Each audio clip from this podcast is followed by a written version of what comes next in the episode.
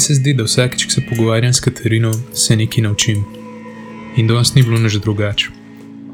Govorila sva o wellnessu. By the way, wellness v ILNIS je priznana beseda v SSKJ. Ne rabite študirati, kako se to napiše, ker po domače čist vela. Če se vam pa mogoče zdi, da je to enostaven pojem, se pa motite. Wellness je toliko več od savom pa bazenov. Tudi sam sem bil v supu.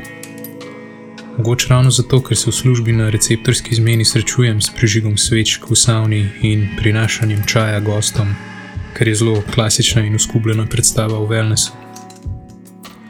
No, Katarina predava na Višji šoli za gostinstvo, turizem in wellness na Bledu. Zelo lepo je predstavila pojem wellnessa v širšem pomenu in svoj pogled na zdrav življenjski stil. Verjamem, da bomo v njej še veliko krat slišali, ker je polna idej in predvsem se hrabro loteva novih podvigov. Vedno so v povezavi z zdravjem, tako da še toliko boljš za vse nas. Nos na ju je mal čas priganjal, debata se z lahkoto razvlekla, ampak nič hudega, ker to samo pomeni, da bo na Fusion še prišla. Zdaj, če bi imel gong doma, bi v takem velnem stilu udaril po njemu in napovedal novo epizodo, ampak tukaj zraven sebe imam samen radiator, tako da to ne bo jih balzna za všesa. Bom pa najdel kakšen sample na netu. Evo ga. Uživajte v epizodi in respekt. Katarina Vita Dolinar Bobič. Oj, Katarina. Živijo, pozdravljam, dobro jutro. Dobro jutro, ja. Daj povej mi, se dobro počutiš. Ja, kar glede na situacijo, moram reči, da se kar, sem kar v redu. Ja. No, to me veseli. Vprašam zato, ker sem prebral, da je wellness uh, skupek nekih tehnik ali pa dejavnosti, ki človeku omogočajo dobro počutje. Ali ti tle še kaj dodala? Ja, zdaj bi sama, se veš, sama beseda wellness, bi jaz rekla, pač, da obsega precej več kot to, kar si ljudje mislijo pod to besedo, ampak k temu se lahko vrnemo potem kasneje. Um, Drugač pa mogoče, če, bi, če gremo na začetek, zdaj te ideje od wellnessa segajo že v 50-ta leta, ne, 20. stoletja. Takrat so v bistvu zagovarjali to tezo, da je zelo pomembna tesna povezanost telesa, miselnosti pa duha. Um, in nekako se v bistvu takrat uh, se, se, se tudi te dve besedi združili. Well-being, kot se že omenil, dobro počutje, pa fitness, ne, neka športna aktivnost.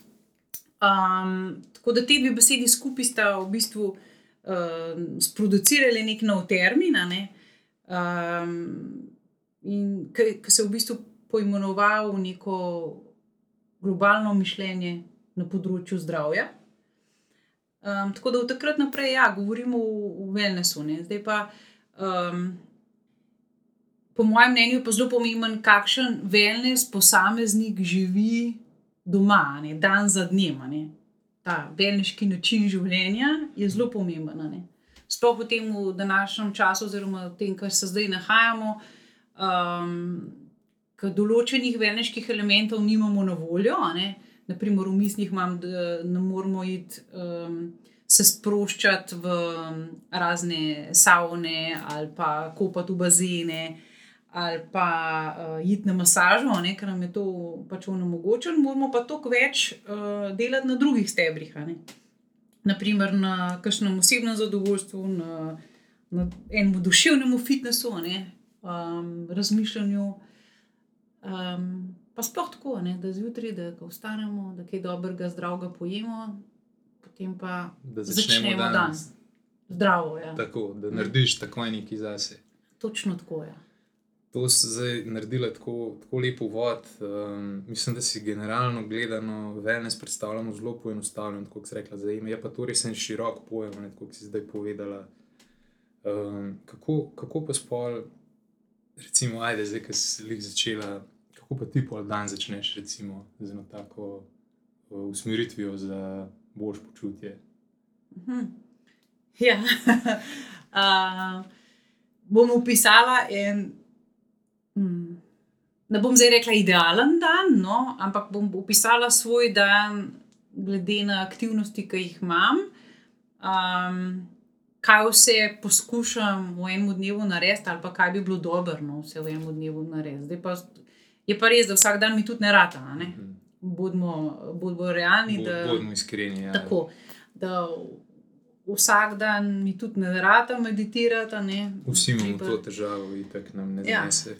Da, ampak rečemo idealno, mogoče. Um, ja, bi tako začela. Um, jaz zelo rada zgodaj vstanem, zgodaj vstanem pa zaradi tega, da, ma, da se zjutraj vzamem čas zase. Kako je to zgodaj? Ja, med peto in šesto. Ne. Um, pa grem pol, odvisno kdaj imam kakš, eh, pač kakšno aktivnost, ampak rečemo, da grem potem med sedmo in pol osmo v doma. Um, ja, se pravi, naprimer, zgodaj zjutraj vstanem, pa ali pomeditiram, pol urce, minimalno 20 minut, ali potelovadim. Um, potem, preden karkoli pojem, spijem en kozarc bro, bolj vroče, kot tople vode, bom rekel, ne mlače, ampak bolj ni zdaj to čaj, ampak uh, pač voda, ki jo lahko še um, spijem. Zakaj mogoče še to, da na tem mestu omenim? Um, rav, ravnam se po tej tradicionalni kitajski medicini, uh, ali pa poskušam s tem že nekaj časa. No, in, uh, uh, pri tem je zelo pomembno to, da pač voda, tekočino, ki jo vnašaš v telo, da je enako topla, kot je naše telo. To, to pomeni, da je okoli 36-37 stopinj um, vroča voda, ne, ki jo spiješ, ali pa karkoli pač vnašaš. Seveda, um, pri tem se ne sme, mislim, zjutraj ne pijem kave, nikoli, uh, spijem potem kasneje čaj. Ampak, v glavnem, preden karkoli dam v usta, um, spijem to vročo vodo. Uh, zdaj, kaj mogoče ta vroča voda tudi naredi, pač uh, pomaga ti, da se črevesje zbudi, da se prebudi črevesje. Um, in moram reči, da meni to kar pomaga. No. Tako da potem pa sledi kakšen zdrav zajtrk. a Um, Pri meni je tudi mm, to povezano z tradicionalno kitajsko medicino. Um, pa ne, ne bom šla zdaj tukaj v detalje, ampak pač pomembno so tukaj kombinacije različne hrane, ure, ne, kdaj to zaužiješ. Seveda, jaz moš petkrat na dan. Um, to je pač v času, ki ga živimo, tudi uh, organizacijsko precej težko izvesti, ampak se pa da, no, ne bom pa rekla, da se ne da. Um, no, se pravi, nekaj zdravega pojem, potem pa se usedem v avto in grem v šolo. Uh, predavam namreč na višji šoli za gostinstvo, wellness in turizem. Tudi v tem času uh, delam predavanja, seveda online, ampak še vedno raje na šoli, kot uh, doma. Zaradi tega, ker preprosto, ker doma nimam miru. Tako da se umaknem v šolo, pa to v šoli naredim. Um, se pravi, potem naslednja pauza je spet povezana z prehranjevanjem, a ne? Mm, odvisno, koliko časa ta uh, predavanja trajajo. Um, pa potem popoldne, nekaj pridem domov, tudi, ampak zdaj, kaj je zdaj pomembno, razen te prehrane.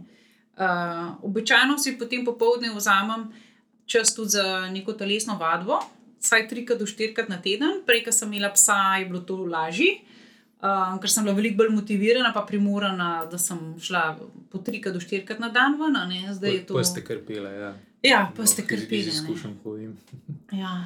Ampak ti tudi kuža? Ja, ja, ja, itak, imam Ja, zdaj, seveda. Um, zdaj, bo, zdaj bo dve leti. evo, No, januarja. pol sam veš, ne, zjutraj treba vstati. Ja, treba je iti, Ja. ja. ampak je super. No, ker, Super je. Ja. Tudi pst, mi grede, pa če se tega dotakneva, saj mena, ne, uh, še dodatno pomaga pri kakšni sprostitvi. Ne samo to, da si ti v naravi, ampak tudi, ko se ukvarjaš s psom, pa, ali pa um, imaš neko interakcijo ne, s psom, se mi zdi, da ti kar pomaga. Um, Kaj se vem, sprostiti mogoče kakšne misli v glavi. Izboljšati počutje, Ja. se ne bi mogel bolj strinjati. No. To je res en tak bestič, ki te zelo stereotipno, ampak te je res skozi veselno. To je en, en, en sam vesel. No. Ja, se strinjam. Jaz mojega psa zelo pogrešam, zdaj, zdaj pri moji mami. Aha. Uh, tako da v bistvu rabim več motivacije, ne, da grem ven na neko športno aktivnost, Ja. ampak grem pa, ker pač se tudi pol bolj počutim, da grem. Včasih je to skupaj s črko, um, največkrat pa sama, ne, ker se mi zdi, da tudi rabiš biti malo sam s sabo. Um, pa tudi z možem, ne, valjda gremo tudi tako skupaj, družinsko, ne, to pač malo odvisno od časa. Potem pa, če zjutraj nimam časa za meditirati, potem zvečer meditiram. Zelo pomemben je tudi za zdrav življenjski slog, da, imamo, da hodimo dovolj zgodaj v poslo in da si prvošimo, če si le lahko, en zdrav spanc. To je tudi ena izmed stvari. Eden izmed stebrov, jaz menim, da je tudi ta, ne mislim, ne zdaj glih stebr, ampak ena izmed stvari, um, ki je zelo pomembna za zdrav življenjski slog, je kvaliteten spanec. O tem prav dosti, uh, ko bi rekla, ne morem filozofirati, kam imamo boljše, uh, mislim, kam imamo zelo dobre strokovnjake v Sloveniji, tako da mogoče za naslednjega gosta ti priporočam Saro Isakovič, da kaj pove v, Okay. v um, Ja, ja, spanju, ne, naprimer, koliko je to pomemben, pa zakaj je pomemben. Tako da jaz to kar prakticiram, rada grem zgodaj uh, spat, da se telo pa misli regenerirajo. Ne. Uh, ne samo spočijo, ampak tudi regenerirajo, ker regeneracija telesa poteka po noči, v tistem globokem spancu. Zdaj, uh, včasih imam pa tudi, seveda, jaz težave, da težko zaspim. Takrat si pa potem pomagam z tehnikami uh, mindfulnessa, oziroma po slovensko smo dali te besedi. Uh, Čuječnost. ja, lepo slovensko ime, čuječnost, čeprav jo, bom rekla, ljudje ne uporabljajo glih tako zelo pogosto. Sam Skoraj večkrat slišiš to angliško verzijo. Ja. Je pa res zelo lepa beseda, čuječnost. Ja. Zelo lepa slovenska beseda, ampak moram reči, da naprimer študenti nič prav ne uporabljajo to čuječnost, ampak rečejo mindfulness. Zar, z, z, mogoče zakaj? Um, Zaradi tega, ker v glavnem je vsa literatura iz angleščine. Mhm, mhm. Tudi čuječnost se bo parila, to samo Malo časa rab. Da jim Tako povem takole, um, samo kar se spanja tiče. Zelo veliko je bilo povedanega o teh motilcih, telefon ne ga ne bi imeli ob sebi, ko spimo, a se tega držiš. Ja, več ali manj ja. Ga pustim, sigurno nikoli ne spim s telefonom, ko pridem gor, pač mimo v nastropju, a ne pa ko pridem gor, ga puščam telefon v kopalnici, da ja ne zaide z mano v spalnico in se kar um, držim tega, da telefona nimam pri glavu ali pa pri sebi. Ne samo to, da ni v istem prostoru. Um, to je tudi eden izmed motilcev. Z, pa pomaga pri spanju, tudi. To bom- moram pa tudi povedati ob tem, da sicer sem že večkrat slišala o tem, ampak me je na to napeljala tudi Sara Isakovič, da si treba, preden zaspiš, vsak dan za tri stvari zahvaliti, za katere si hvaležen. To so lahko čisto mehke, čisto ene malenkosti ali pa kakšne večje, kot pač vsak posameznik čuti. In tudi to probam zdaj vsak večer pred spanjem narediti. Če nisem prav zelo utrujena, si jih tudi napišem. Imam pri posli en tak zvezek, pa včasih kaj napišem, ali pa zjutraj, ki bolj intenzivno sanjam, ne, uh, si tudi napišem, kakšne sanje noter. Ampak hočem reči, se pravi, zdrav življenjski snot- slog je tudi to, da smo hvaležni. Um, in če, če vam. Če ta probite s to vajo, naprimer, ne, ne vem, poskusite delati to en teden, 14 dni, in verjamem, da vam bo spanec lažji. Se- Uh, Če, če samo Ja. ja. pomislimo na hvaležnost, a ne v bistvu s tem se osredotočiš na nekaj, kar se ti dobrega dogaja, se pravi, ne po, posvečaš pozornosti mogoče temu, kar te bremeni, ali pa nekaj, zaradi česar bi mogoče samo jamro.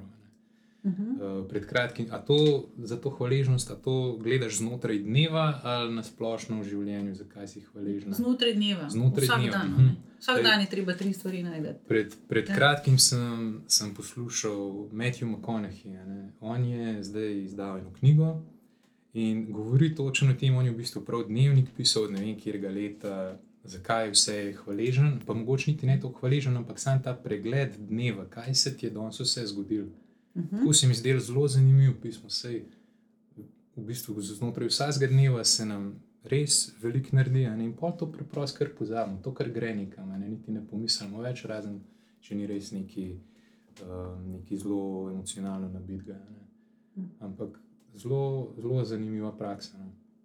Fajn je to ozaveščati, a ne. tudi Ja. to se je treba naučiti. Ta čuječnost te tudi nauči nekega ozaveščanja, trenutka, danega trenutka, ne, v tem primeru je dneva, ne, tako kot si rekel, kaj se mi je vse danes zgodilo.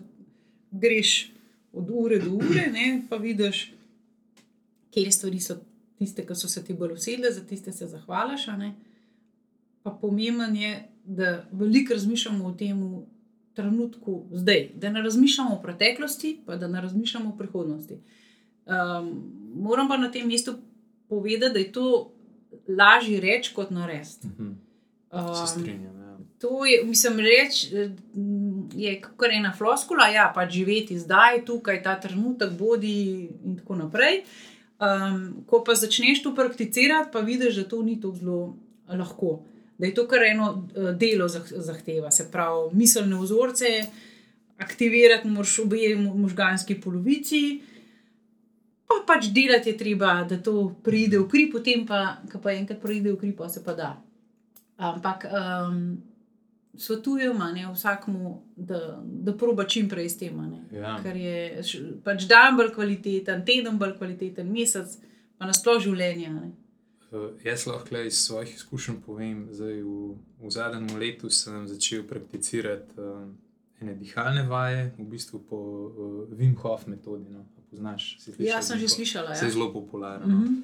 In um, gre, gre lik za to, v bistvu, da pač on govori o kombinaciji dihanja z mrazom in tudi telesna vadba.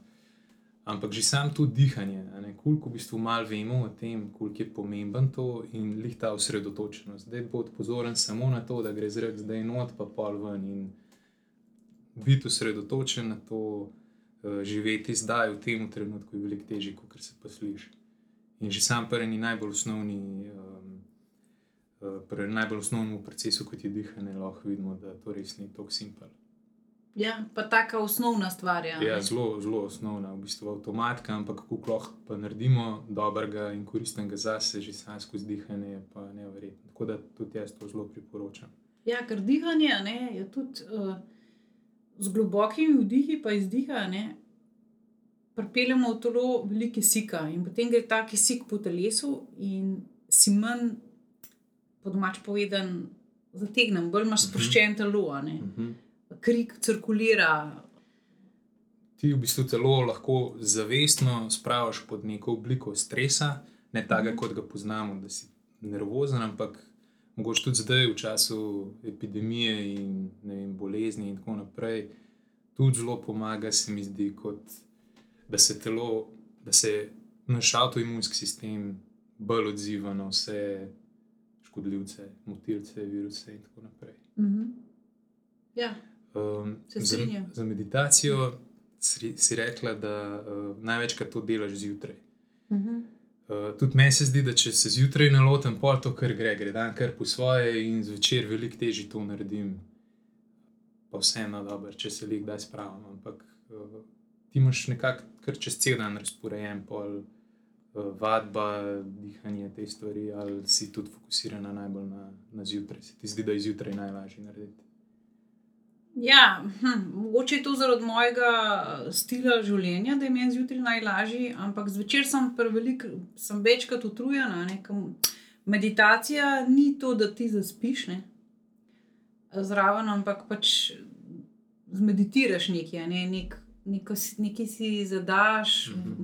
umiriš telo. Ja, se potem lahko kasneje zaspiš, ampak uh, jaz pa sebi vidim, meni je to zjutraj najlažje tudi tako iz vidika, ki se rečemo zjutraj narava prebuja, pa se vse še prebuja, pa meni pomaga to, da se tudi jaz prebudim in da si dam energijo, ne, in potem cel dan zdržim s tem, ne, s nekimi pozitivnimi mislimi, pa vzorci, razmišljanji in tako naprej. Um, tako kot sem prej rekla, ja, valjda, vsak dan mi narata. Ne? Um, pa, pa tudi moram priznati, da se pozna, če mi narata. Ja, ja definitivno. To, ali dan začneš nekako tako z enim umirjenim procesom, ali pa si kar naenkrat porinen, recimo na šiht ali kamorkoli, kjer se ti pač začne dogajati, je čist drug, čist drug vibe pol tekom dneva. Na šoli, se pravi, uh, kot si že povedala, učiš na višji šoli za gostinstvo in turizem na Bledu. Velne še. Wellness, Ja. pardon, no, se to je glavna tema, da se neko sem lahko to spustil. To si pred leti preimenoval, tako da mogoče zato. Ej, se, zdaj moram prav povedati, ej, ker je to, ker je to prišlo ven, ne, da, se, da je pač program Wellnessa. Ne, sem si jaz tako zelo, zelo nevedno in nespametno mislil, ja, pa kva, kva češ to študirati, se samo prečgeš čaj, skuhaš, a z tega res lahko diplomo narediš. ne. To je bilo, kot sem rekel, zelo nespametno, ampak da jim povej, kaj je Wellness program, kva se to zajema. Velik je, sicer to je šola, je pač višja šola, to pomeni, da smo usmerjeni praktično, ne, več k praktičnemu izobraževanju, ampak še vseeno moram reči, da je veliko nekih strokovnih predmetov in da v tem času sem jaz vse mnenja, da bi se mogel, da se ta program posodobi. Sej se bo, ampak to v Sloveniji traja nekaj časa. Ne? Kaj to nekaj časa, to pomeni par let.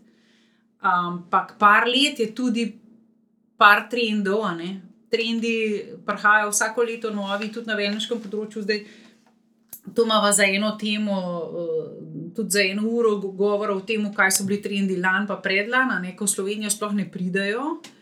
In nujno bi bila potrebna posodobitev tega velneškega programa. Ampak da se vrnem na tvoje vprašanje, ali to res lahko študiraš? Ja, lahko. a ne. Uh, ja, lahko in jaz uh, naše študente vidim kot ene ambasadorje zdravega načina, načina življenja. Uh, ali pa veliko, vsaj veliko večino njih. Ker mi njih upremo na šoli z vsemi in teoretičnimi, neki splošnimi znanji, ne, pa potem tudi s praktičnimi. Da oni, če še niso, ali pa če so prišli iz takega okolja, da niso bili vešči enega zdravega načina življenja, da se na šoli to naučijo in potem tudi sami lahko tak veneški način življenja širijo naprej. Uh, najprej ga širijo v krogu svoje družine, potem ga širijo v krogu svojih prijateljev, sosedov, znancev, uh, kolegov in tako naprej. Um, zdaj, koliko so pri tem uspešni, je odvisno od vsakega posameznika, ampak jaz mislim, da je že zelo velik, če že v domačem okolju spremenijo um, miselnost, naprimer, mame pa očeta, ki se, rečemo, te generacije, naprimer moja mama ali pa tvoja mama, pa, um, pač sta, naši starši, ne, niso tako ozaveščeni v, v pomenu te besede. Ne? ne zdaj, da ne poznam, ampak niso tako ozaveščeni. Če pri njih narediš to spremembo, je, je to veliko Ja. težje kot pa recimo, mlajšo generacijo. Točno ja. to. Jaz mislim, da je to zelo velik, če doma uspeš to narediti. Mhm. Pa, pa če še kakšnemu um, prijatelju um, pomagaš pri tem, uh, si pa sploh že veliko naredil tudi za družbo. ne. In konec koncev, jaz mislim, da naši študenti so, kot sem rekla, so ambasadori, mogli, ne mogli, ampak bi lahko rekla, da velika večina njih živi ta zdrav življenjski slog no, in da to delajo. In ja, to se učijo. In vsako leto jih je kar nekaj takih, ki se tudi, če prihajajo, mogoče to inf- za eno zanimivost. Oni prihajajo zelo, zelo, zelo različnih okolij, pa zelo z različno predhodno uh, srednjošolsko izobrazbo. In um, tisti, ki pridejo z neko široko izobrazbo, pa zelo malo o tej temi vejo, so, če jih to zanima, so veliko bolj uspešni in veliko bolj dovzetni in veliko več enih informacij in znanja opijo, kot tisti, ki že nekaj imajo. Ni to nujno, ne? ampak tisti bolj obvladajo te strokovne predmete, pa potem samo nekaj nadgrajujejo. Um, sam jaz opažam v teh zadnjih generacijah, ki sem jih imela, da pa bi kar potrdila to, ne, da se mi to vsako leto znova potrdi. Ne. Zdaj, kako bo letos, letos ne vem, ker um, Ker nihče ne. Ja, ker je pač tako leto, ne mogoče bo letos drugače, ker tudi uh, se sam veš, vse online in je to, uh, po mojem mnenju, kvaliteta študija precej slabša. Bomo videli, pač, kaj, bo, kaj bo drugo leto. No. Ampak. Ampak ambasadori dobrega počutja, to se mi zdi zelo v redu, to je eno tako lepo poslanstvo. In uh, da mi pa pol, kako pa je z zaposlitvijo, recimo po končanem wellness programu. Kje so, na primer, oni Ja, zaposljivi? ki so, ne, kaj zdaj delajo? to, zdaj spet, to je spet ta neka eh, neosveščenost, mm -hmm. recimo z moje strani. Ne si predstavljaš, uh, kaj se jim velike, mogoče ima serijo v vodih pro- nekih programov po raznih um, hotelih, eh, wellness centrih in tako naprej. Ampak sigurno je še kaj več, ker tako, zdaj odkrivam skozi to debato, je to zelo široko področje. Mhm. Ja, oni pridobijo naziv diplomirani organizator ali organizatorka v velniški dejavnosti, kar je zelo široko. Pa tudi zaposljivost, tako kot si rekel, običajno ljudje menijo, da aha, ok, to so pa lahko zaposljivi samo v uh, velniških centrih, v nekih uh, večjih kompleksih, uh, kopališčih, uh, fitnesih, uh, kozmetičnih salonih in tako naprej. Ja, glavnina je, ja, ampak je tukaj prostora še za precej drugih stvari. Mogoče na tem mestu pa lahko omenim en trend, ki prihaja, seveda, kot večina trendov iz Amerike in to je um, korporativni wellness in zaposlovanje pač študentov v tem sektorju. Prav velikih sicer ni, ampak tudi, v, ker v Sloveniji uh, je zaenkrat par. Uh, pionirjev, če temu rečem, podjetij, ki se s tem ukvarjajo. ne. Ampak mislim, da v prihodnosti bo to eden izmed poklicev, ker um, sam to, če za- kot zanimivost omenjam. Uh, v določenih podjetjih imajo pač naziv tvojega delovnega mesta je lahko happiness manager, pol imaš um, well-being manager. Um, in tako je mogoče za nam malo um, nenavadnejše, neke, neki nazivi delovnih mest, ampak v tujini to že obstaja um, in je tega kar precej. In, Se pravi, je to trend, ki prihaja. In, um, v bistvu lih to sem hotel slišati. No, a so v neki poklici prihodnosti in tako da zdaj vidim, da je istočnica ta prava, tako da da prosim malo več o tem korporativnem wellnessu. ja, jaz mislim, da zdaj pa sploh je čas za več različnih um, zaposlitev pač na, na tem področju. Zaradi časa, v katerem smo, pa zaradi tega, ker vidimo, koliko je to pomemben dejansko. Ne? Ker, uh, dobro, zdaj, da ne zaideva s teme, pa greva v ta korpor, pa se posvetiva mečem korporativnemu wellnessu. Zdaj, po mojih izkušnjah v Sloveniji, ne, se uh, tega poslušujejo v glavnem bolj um, IT-ovska podjetja, se pravi, um, ta so tudi prva, ki so pač v Ameriki razvila tak način, ne, pa seveda tudi neka farmacevtska podjetja. Um, pa pač po izkušnjah, ki jih imam, je to običajno del um, human resources, se pravi HR, -a, ne, da se nekdo izmed uh, že zaposlenih v podjetju s tem ukvarja.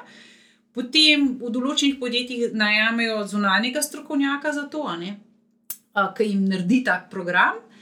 Uh, podjetja pa to zelo različno v Sloveniji imenujejo. Ne? Od tega, kot sem že omenila, well-being eh, program, do naprimer um, zdrava banka, uh, zdrav kolektor, če gremo zdaj na neka podjetja, um, mi za zdrav življenjski slog, um, korporativni wellness, um, ta beseda se še ni tako zelo parela, ne? tudi tako, kot s kakšnimi.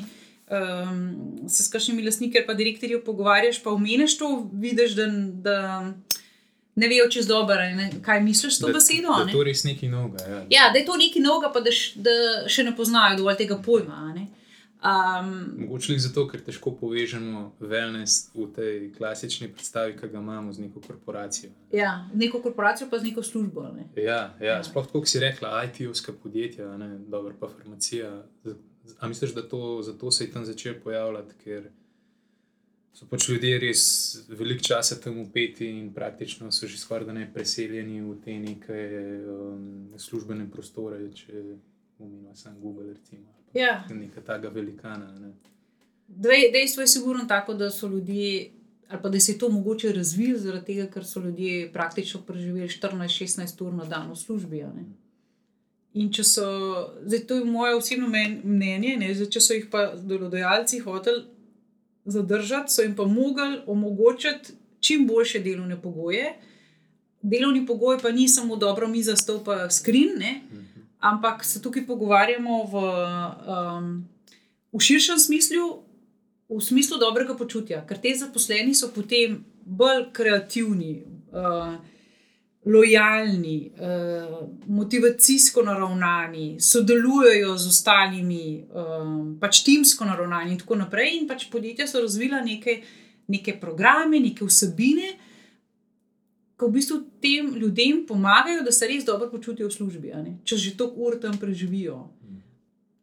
Zdaj, seveda, pač to je začel Google, ali pa eden izmed prvih, o katerem se je začelo to govoriti. Um, v Sloveniji tudi nekaj, no, tako kot smo mi, tudi nekaj Mhm. takih podjetij, pa kar uh, bi rekla, sploh IT-ovska podjetja, kar dobro sledijo tem uh, tujim vzornikom. Pa z IT bi še eno stvar mogoče omenila, da je zelo velika fluktuacija tudi ne, v, tem, v tej dejavnosti.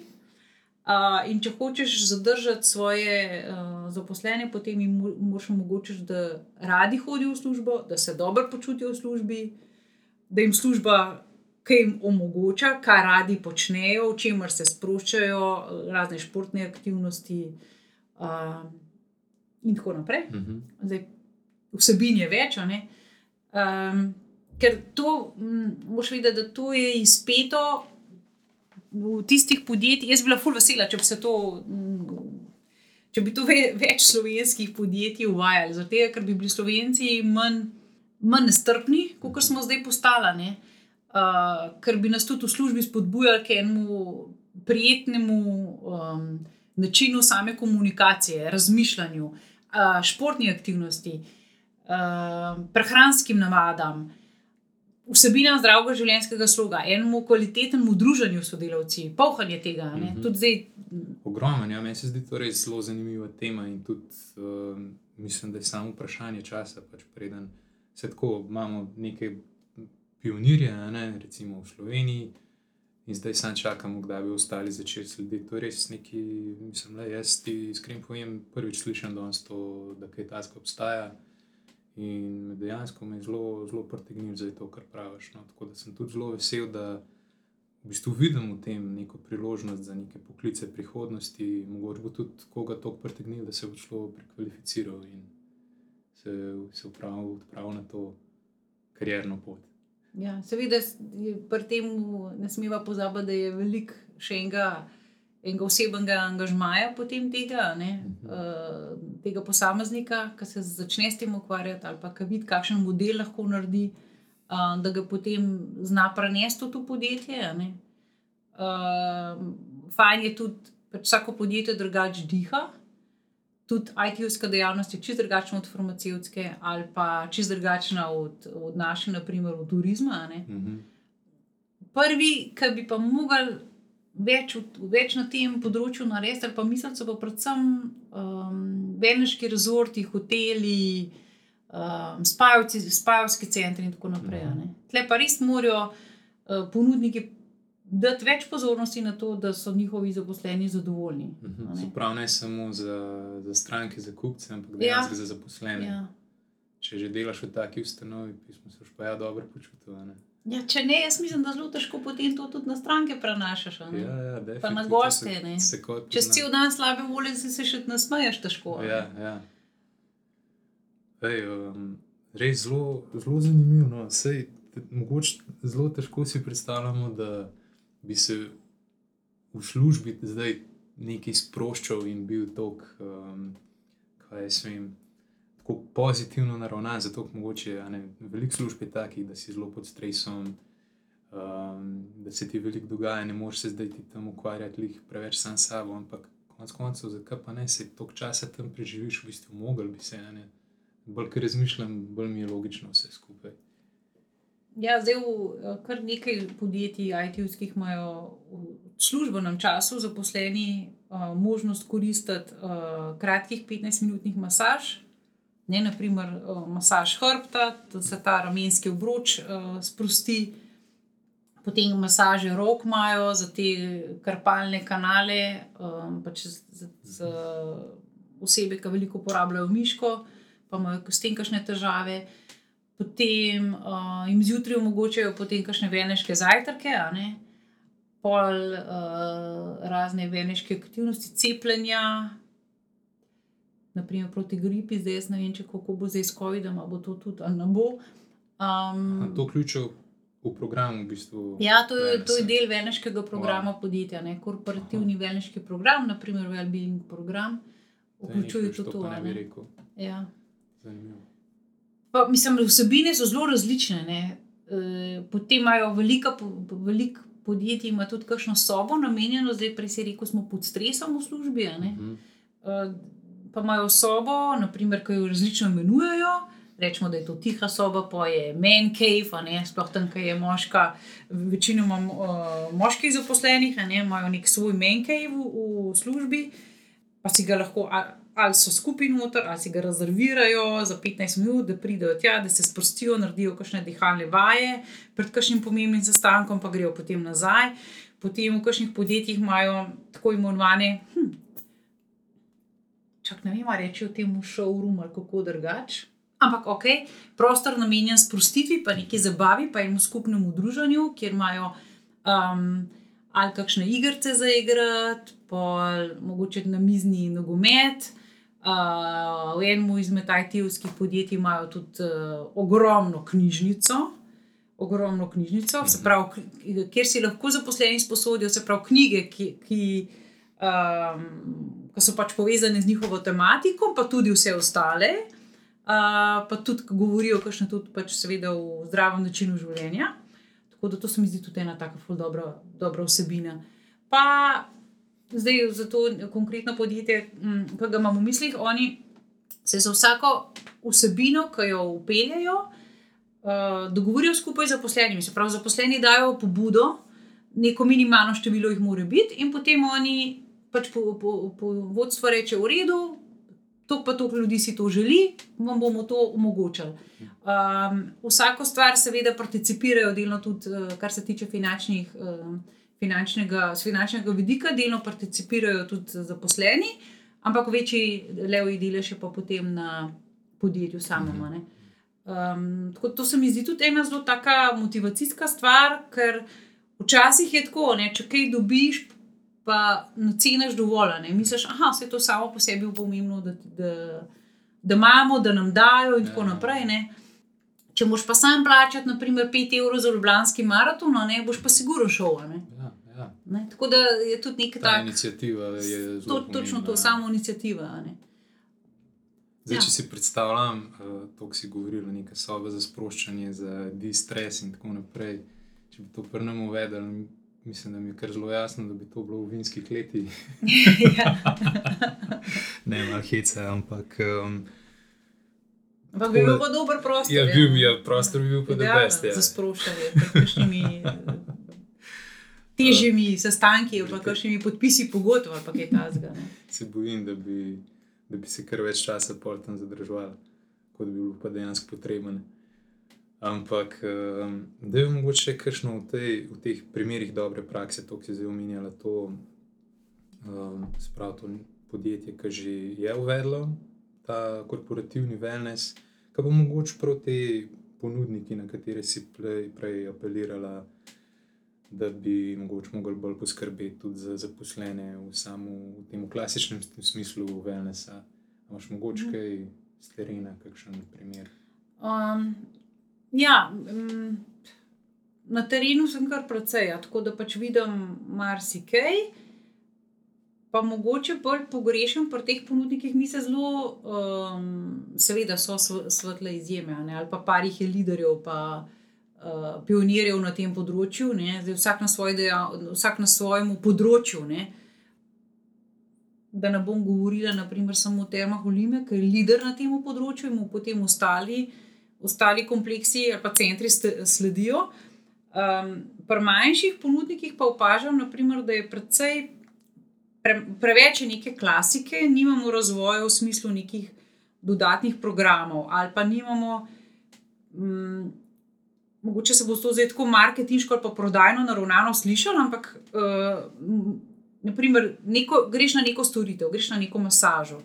In potem se nihče ne ukvarja s tem, ali ti bo zraven ponudil še kakšen dodaten izdelek. Ampak ta izdelek bi tebi koristil, ne samo zato, da bi ga oni prodali, ampak naprimer bi ti koristilo, uh, bodi si za ženske, kakšna maska za obraz, ne, če so imeli kakšno masažo obraza še zraven, ali pa kakšno olje, ki bi ga lahko potem za doma uh, imel. Neko, na tem področju smo, prodajno-marketinškem področju smo podhranjeni, no, to bi vsekakor mogli delati na tem pa predvsem več bi mogli delati na celostni obravnavi posameznika. Tukaj so pa v bistvu tukaj pa tudi spet naštopijo naši študenti, ki se pa tega učijo, ne? neke Mhm. celostne obravnave um, posameznika, tudi veliko znanja in informacij pridobijo. Uh, bo pa seveda še nekaj časa potrebno, predvsem to, da bodo oni prepričali bodoče eh, zaposlovalce v tem, da so oni na tem področju suvereni, um, da poznajo panogo, da lahko eh, svetujejo, da so potem stranke, gosti bolj zadovoljni. Um, Verjetno nekaj časa še rabimo, ne, ker mm. -hmm. pač, da se ta generacija kot so že rekli, ja, je, je trend, ki prihaja. Ja, da, Pa predvsem to, da bojo vlagali, da bojo da vlagali v njih, ne, v svoje zaposlene. ja. Ne, Ja. to, da, bo, da, jim bo mar, da jim bo mar to, da se bojo oni dobro počutili. ne. Mhm. Več tudi pogovora, več nekega odprtega, odprte komunikacije, primerne komunikacije, učenja komunikacije, učenja odgovornosti. Take, take stvari se mi zdi, da nam Zelo, manjka. zelo, zelo smiselno to, kar govoriš, res se, se popolnoma strinjam. Um, ti, ti si zdaj v šolstvu, v bistvu nisi prav dolg, ti si bila zelo velik, um, mislim, imaš ogromno izkušenj iz turizma na splošno. A si mogoče kdaj prej bila, si se kje srečala s tem, s to vrstnim wellness programom, o tem, kar zdaj govoriva? Si bila kje prav um, specifično zadolžena za kaj? tazga v, v kakšni izmed prejšnjih zaposlitev. Ne, zdaj, v šu, ja, sem bila, zdaj drugač, za, za to je mislim, da moje četrto leto, ja, četrto leto, odkar sem uh, predavateljica na šoli. Um, ja, sem bila, nekaj v tujini, nekaj tudi v Sloveniji, pri nas, uh, sprav Terma Holime, sem skrbela za v bistvu treninge zaposlenih, ampak. Huh, tam so bila tudi ostala področja zraven, ne. niso bili, niso bili samo veniški delavci uh, oziroma veniški zaposleni, ampak so bili pač tudi gostinstva in ostali. Um, zdaj v tujini sem se pa srečala predvsem s temi treningi, ne, s programi usposabljanja. Uh, tam je pa, to je bilo sicer že deset let, let nazaj, ampak ogromno časa in re- resursov, finančnih in ostalih, posvetijo temu, da uh, zaposlenega trenirajo um, na tak način, kot bi pač radi, in, in da seveda ohranijo bistvo uh, človeka. Ne? Ker vsak izmed nas je v eni stvari mal boljši, v drugi pa mečkam slabši, in tam, ki je dober, ti zgradijo na tismu. Um, v Sloveniji se s takimi um, načini um, usposabljanja zaposlenih nisem še srečala.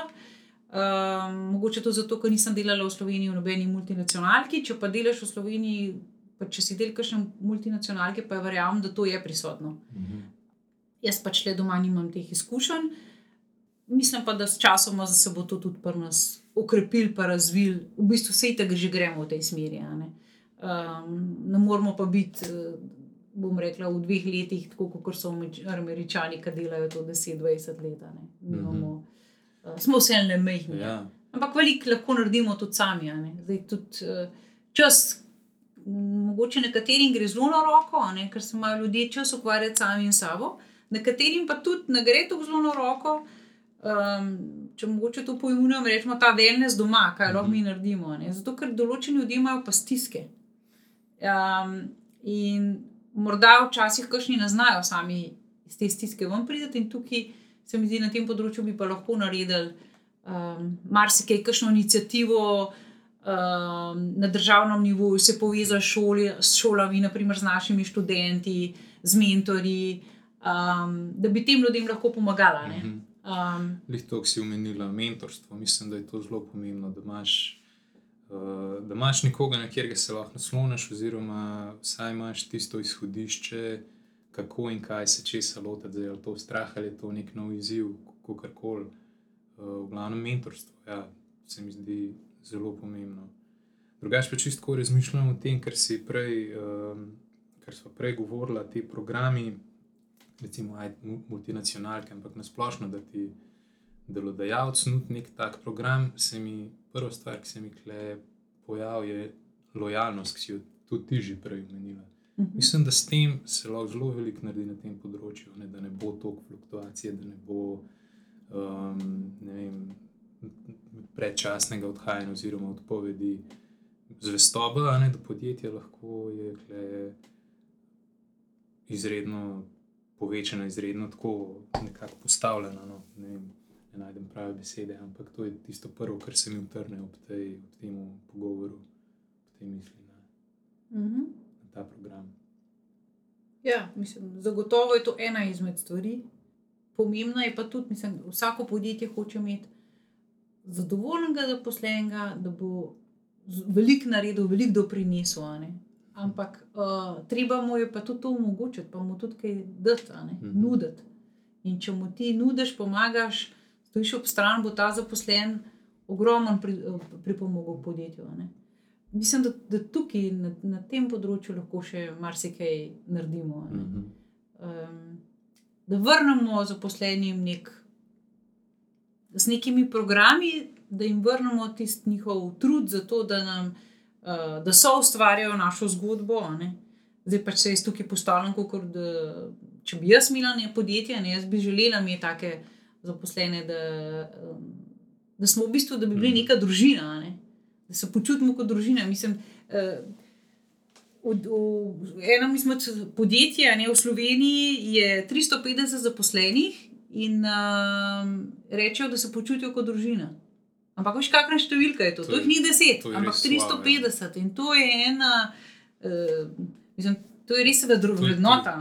Tudi S tem se lahko pohvalijo. Ja. To je kultura, ne? to je kultura podjetja, ki so jo dolg časa gradili, ki so delali na tem, uh, kjer so jim zaposleni zelo pomembni. Ne? ne samo da rečejo, pa da na papir to napišejo.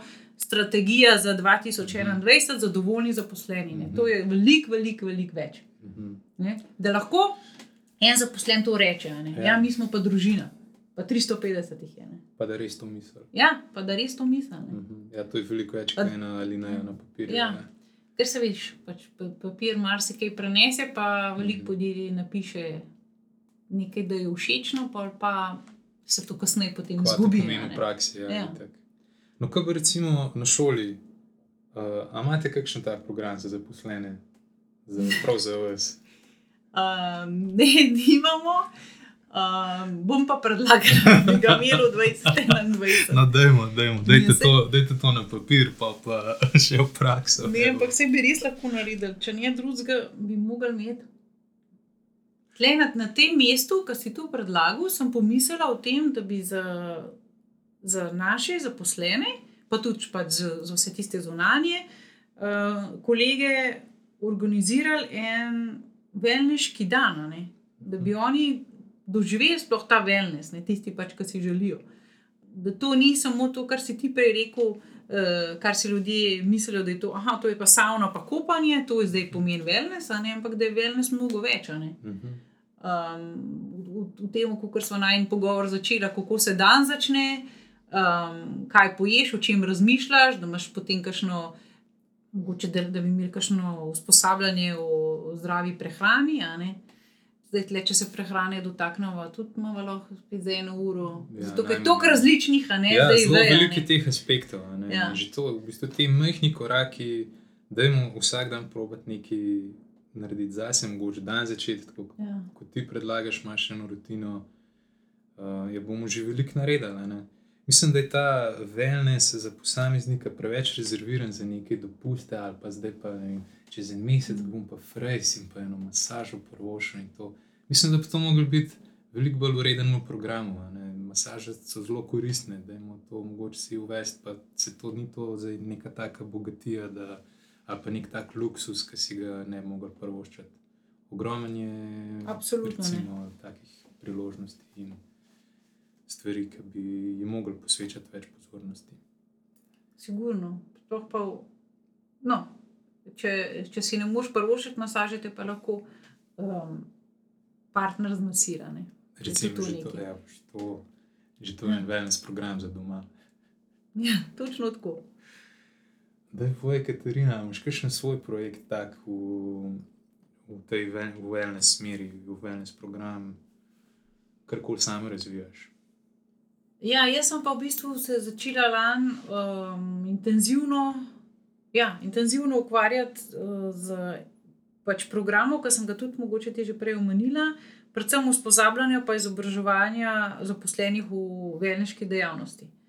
Zato, ker mislim pač, da je podhranjena. Um, iz vidika same, samega koncepta prodaje, se pravi storitev, da se pač zapakira v nek program storitev, svetovanje, pa izdelek. Na tem področju vidim, da smo podhranjeni, da to v tujini delajo precej drugače. Um, tako da imam, sodelujem še z um, dvema partnerjema, eden je iz Nizozemske, pa drug z Malte. Tako da smo naredili en, en tak um, dober model, ampak nažalost se čas uh, ustavil, predvsem zaradi tega, ker nihče od njih ni mogel priti v tistem času v Slovenijo in nismo mogli izvesti tega izobraževanja. Nadaljavo je pa to zelo težko delati. V bistvu uh, eden izmed njih, se pravi Reči, ki je iz uh, Nizozemske, on se sicer v tem času preusmeril, pa dela zelo veliko online. Um, pa ima neke rezultate, uh, celo zadovoljanje, ampak na koncu počrta pove, da to ni to. Torej, drug partner z Malte, pa, pa v tem, pa v bistvu nič ni delo v tem času online, samo Malta je pa ena iz, izmed držav, ki je v bistvu. Ne vem, so imeli tako majhno število okuženih, ampak njihov, njihovi velniški centri so odprti in um, pri njih so pač tudi čez celo sezono se zelo dobro znašli, pa dobro delali. Um, tako da upamo, da bo 2021 nam omogočil, da bomo naredili pač prvi skupen projekt v Sloveniji na tem področju in da bomo te um, modele upeljali v veljaška podjetja. Ne. Super, vse pohvale. Ja. Pač delam, delam na tem, da bi, da bi to čim prej lahko izvedla. Ker pač menim, da ne menim, ampak vidim, da, da, je, da je čas ta prav, primeren. Um, včasih rabiš malo več motivacije, mogoče, ne, da to izpeleš, pa predvsem rabiš posluh pri pr vodstvu, pri lasnikih. Um, pa jim treba jim je znati pokazati, ne, pa tudi na koncu koncev tudi dokazati, kako se to poveča prodaja, predvsem pa kako se zviša zadovoljstvo ne, in same stranke, uh, in samega zaposlenega, in pač na koncu tudi podjetja. Tako da je neka taka win-win situacija. In če vsak win-win situacijo, če se prepozna v njej, če se vidi, pa če to na koncu prinaša tudi nek, uh, nek dobiček, ne, potem mislim, da, da, to, ja. da je lahko to samo uspešna zgodba. Zdaj ta merljivost ne, um, je mogoče res malo težja v smislu zadovoljstva, sreče, ampak um, definitivno se pa to upasa. Mm. Tudi če zdaj ti ne priješ tako z nekim številkam, mislim, da boš vseeno bojo ljudje najdel posluh za kaj tasga. Ja, srčno upam, da ja, ne. čeprav številke so posod pomembne, neke kazalce. Ne. Ja, ne moramo mi tega. Ja, mi tega ne moramo, ja, tako da um, pustimo se presenetiti, bomo videli, kaj pa ne so drugo leto. Ja, ok. Še eno stvar sem ti mislil vprašati. Um, vem, da se tudi z jogo ukvarjaš um, in da si tudi delala na nekih yoga retritih, kot nekaj svojega, kot nek svoj projekt. Ali je to še aktualno, mislim, da je ta korona, ampak boš s tem tudi nadaljevala, mogoče o tem, kakšno besedo. Ja, z, no, na tem področju sem bila skupaj z partnerjem Katijo. Uh, to se mi zdi ena tako idealna, uh, Slovenija se mi zdi idealna lokacija za to, za retrite. In mislim, pa jih je tudi kar precej, no, to, da ne vem, koliko si kaj to raziskoval, ali pa koliko je veš o tem, tega je precej v Sloveniji. Ja, ampak, res, ja. Ne, nis, nisem vedel, da mislim, ne bi rekel, da je tega toliko. Okay. Je? Sem slišal mogoče kaj na to temo, ampak ne bi pa rekel, da je tega ogromno. Zelo velik, tako da jaz mislim na tem področju, da pa mi rabimo se specializirati. Da, da ne moreš um, ponujati um, te, kako rekla, klasične programe, Sploh za tuje, za tuje goste govorimo. Ne. Za slovenske goste, da mi, mi lahko ozaveščamo populacijo, kaj to je, pa kaj ta retrit pomeni. Za naše je super, ampak za tuji gosti, ki pa prav iščejo, moramo se zavedati, da so um, gosti po svetu, ki hodijo samo z enega retrita na drugega, takim je pa potreba, je potreba ponuditi eno doživetje v zadnjem, ja, nekaj več. Ne neki basic. Ja, ne basic, točno tako, ne nek klasičen program, ampak nekaj več. In zato nekaj več, moraš biti pa ti specializiran. Mhm. Zdaj, glede na to, da smo na Gorenska, mislim, Gorenska ponuja, že kar se tiče same narave, polno enih takih lokacij. Um, bomo pa mogli iskati um, neke specifike, predvsem v naravi, kaj ti narava daje, in potem to povleči v programe. Ne. Zdaj, kakšne ideje tukaj jaz nimam, ker mm. -hmm. mi dve s Katijo smo šli bolj v klasične programe. To, kar sem prej rekla, da je za ozaveščanje naše populacije, za tujce, pa to, Mhm. jaz mislim, Premalo, osebno ja. premalo. Mhm. Ampak mislim, da smo mi idealna destinacija za tuje goste a ne, na tem področju. Ja. Um, Se mislim, da Ja. tudi ponudniki bi si to zelo želeli. ne. predvsem imamo polno takih strokovnjakov, ki bi lahko to izvajala. ne. Mhm. Vidiš, to je mogoče ne. spet samo nek trend, ki ga je potrebno pravilno predstaviti, pa Ja. mogoče spet koga naučiti, kako se to lotiti. Kako se loti, kakšen model je verjetno treba narediti. ne. A s Katjo pa ne razmišljate v to smer, da bi ali razvijate kaj? Ne, um, ne, ne razvijajo, niso potem šle naprej v tej smeri, ker je bilo preveč drugih projektov, pa, pa, ni, pa, pa si razpeta. Med, um, tako da jaz sem se potem kar po, bolj posvetila temu izobraževalnemu procesu, pa usposabljanju, uh, ki mi to leži. Mm, Seveda mi so mi pa retriti blizu. Ne? Ne, mislim, najraje hodim jaz na kakšne retrite, ne? drugo je, da jih organiziraš. Um, Verjetno se že zelo veseliš, da boš lahko spet šla. Ja, smo bili tudi s Katjo, smo bili naprimer na Mačarskem, na enem tako odličnem retritu. Res, preden, preden se je to vse skupaj začelo, super je bilo, res taka odlična izkušnja. ne. Um, mislim, tam smo bili, štirje so bili domači gosti, vsi ostali smo bili iz tujine. Um, med drugim je prišla ena, ena gospodična iz, um, mislim, da je bila iz Kenije. Pa ste iz Kenije, je prišla na Mačarsk na petdnevni retrit. Ja. Um, tako da je tukaj prostor. ne. Ja, Hočem reči, je ta. itak, ne, je to neka v bistvu, nova stvar, ena priložnost, en paket ali ponudba. Pač. Retrit ne rabi wellness turizem, samo to, ja, imamo bazen, imamo savno. Imamo ljudi, ki bi znali to narediti. Tako. Tako da tega je kar precej. Tle je, tle jaz vidim še priložnosti. Mislim, možnosti za razvoj, pa tudi priložnosti. a ne. Mhm. Je zelo fajn, upam, da se zadeva, mislim, ne upam. Siguren se bo zadeva parila, me prav zanima, koliko času, koliko bo za nazaj poslušala, kdaj so se to pogovarjala. Ova, se bo še kakšne teme dotakniti. Ja, ne, se fulje teh tem, ogromno. Wellness res je, mislim, veliko več, kot pa sem si, kot, kot sem si pa prej predstavljal.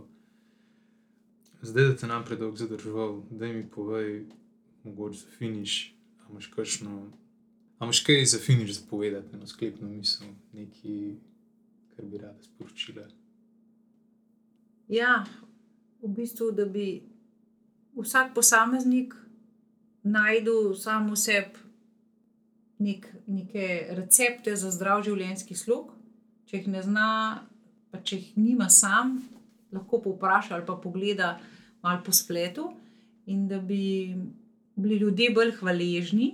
Pa glede na to, da zdaj so praznični dnevi, bi tudi vsem tvojim poslušalcem zaželela ene lepe praznike, veliko objemov, veselja, hvaležnosti, da smo še tukaj, pa da bomo še dolg, pa seveda, da nas spremlja zdravje v tem pa naslednjem letu.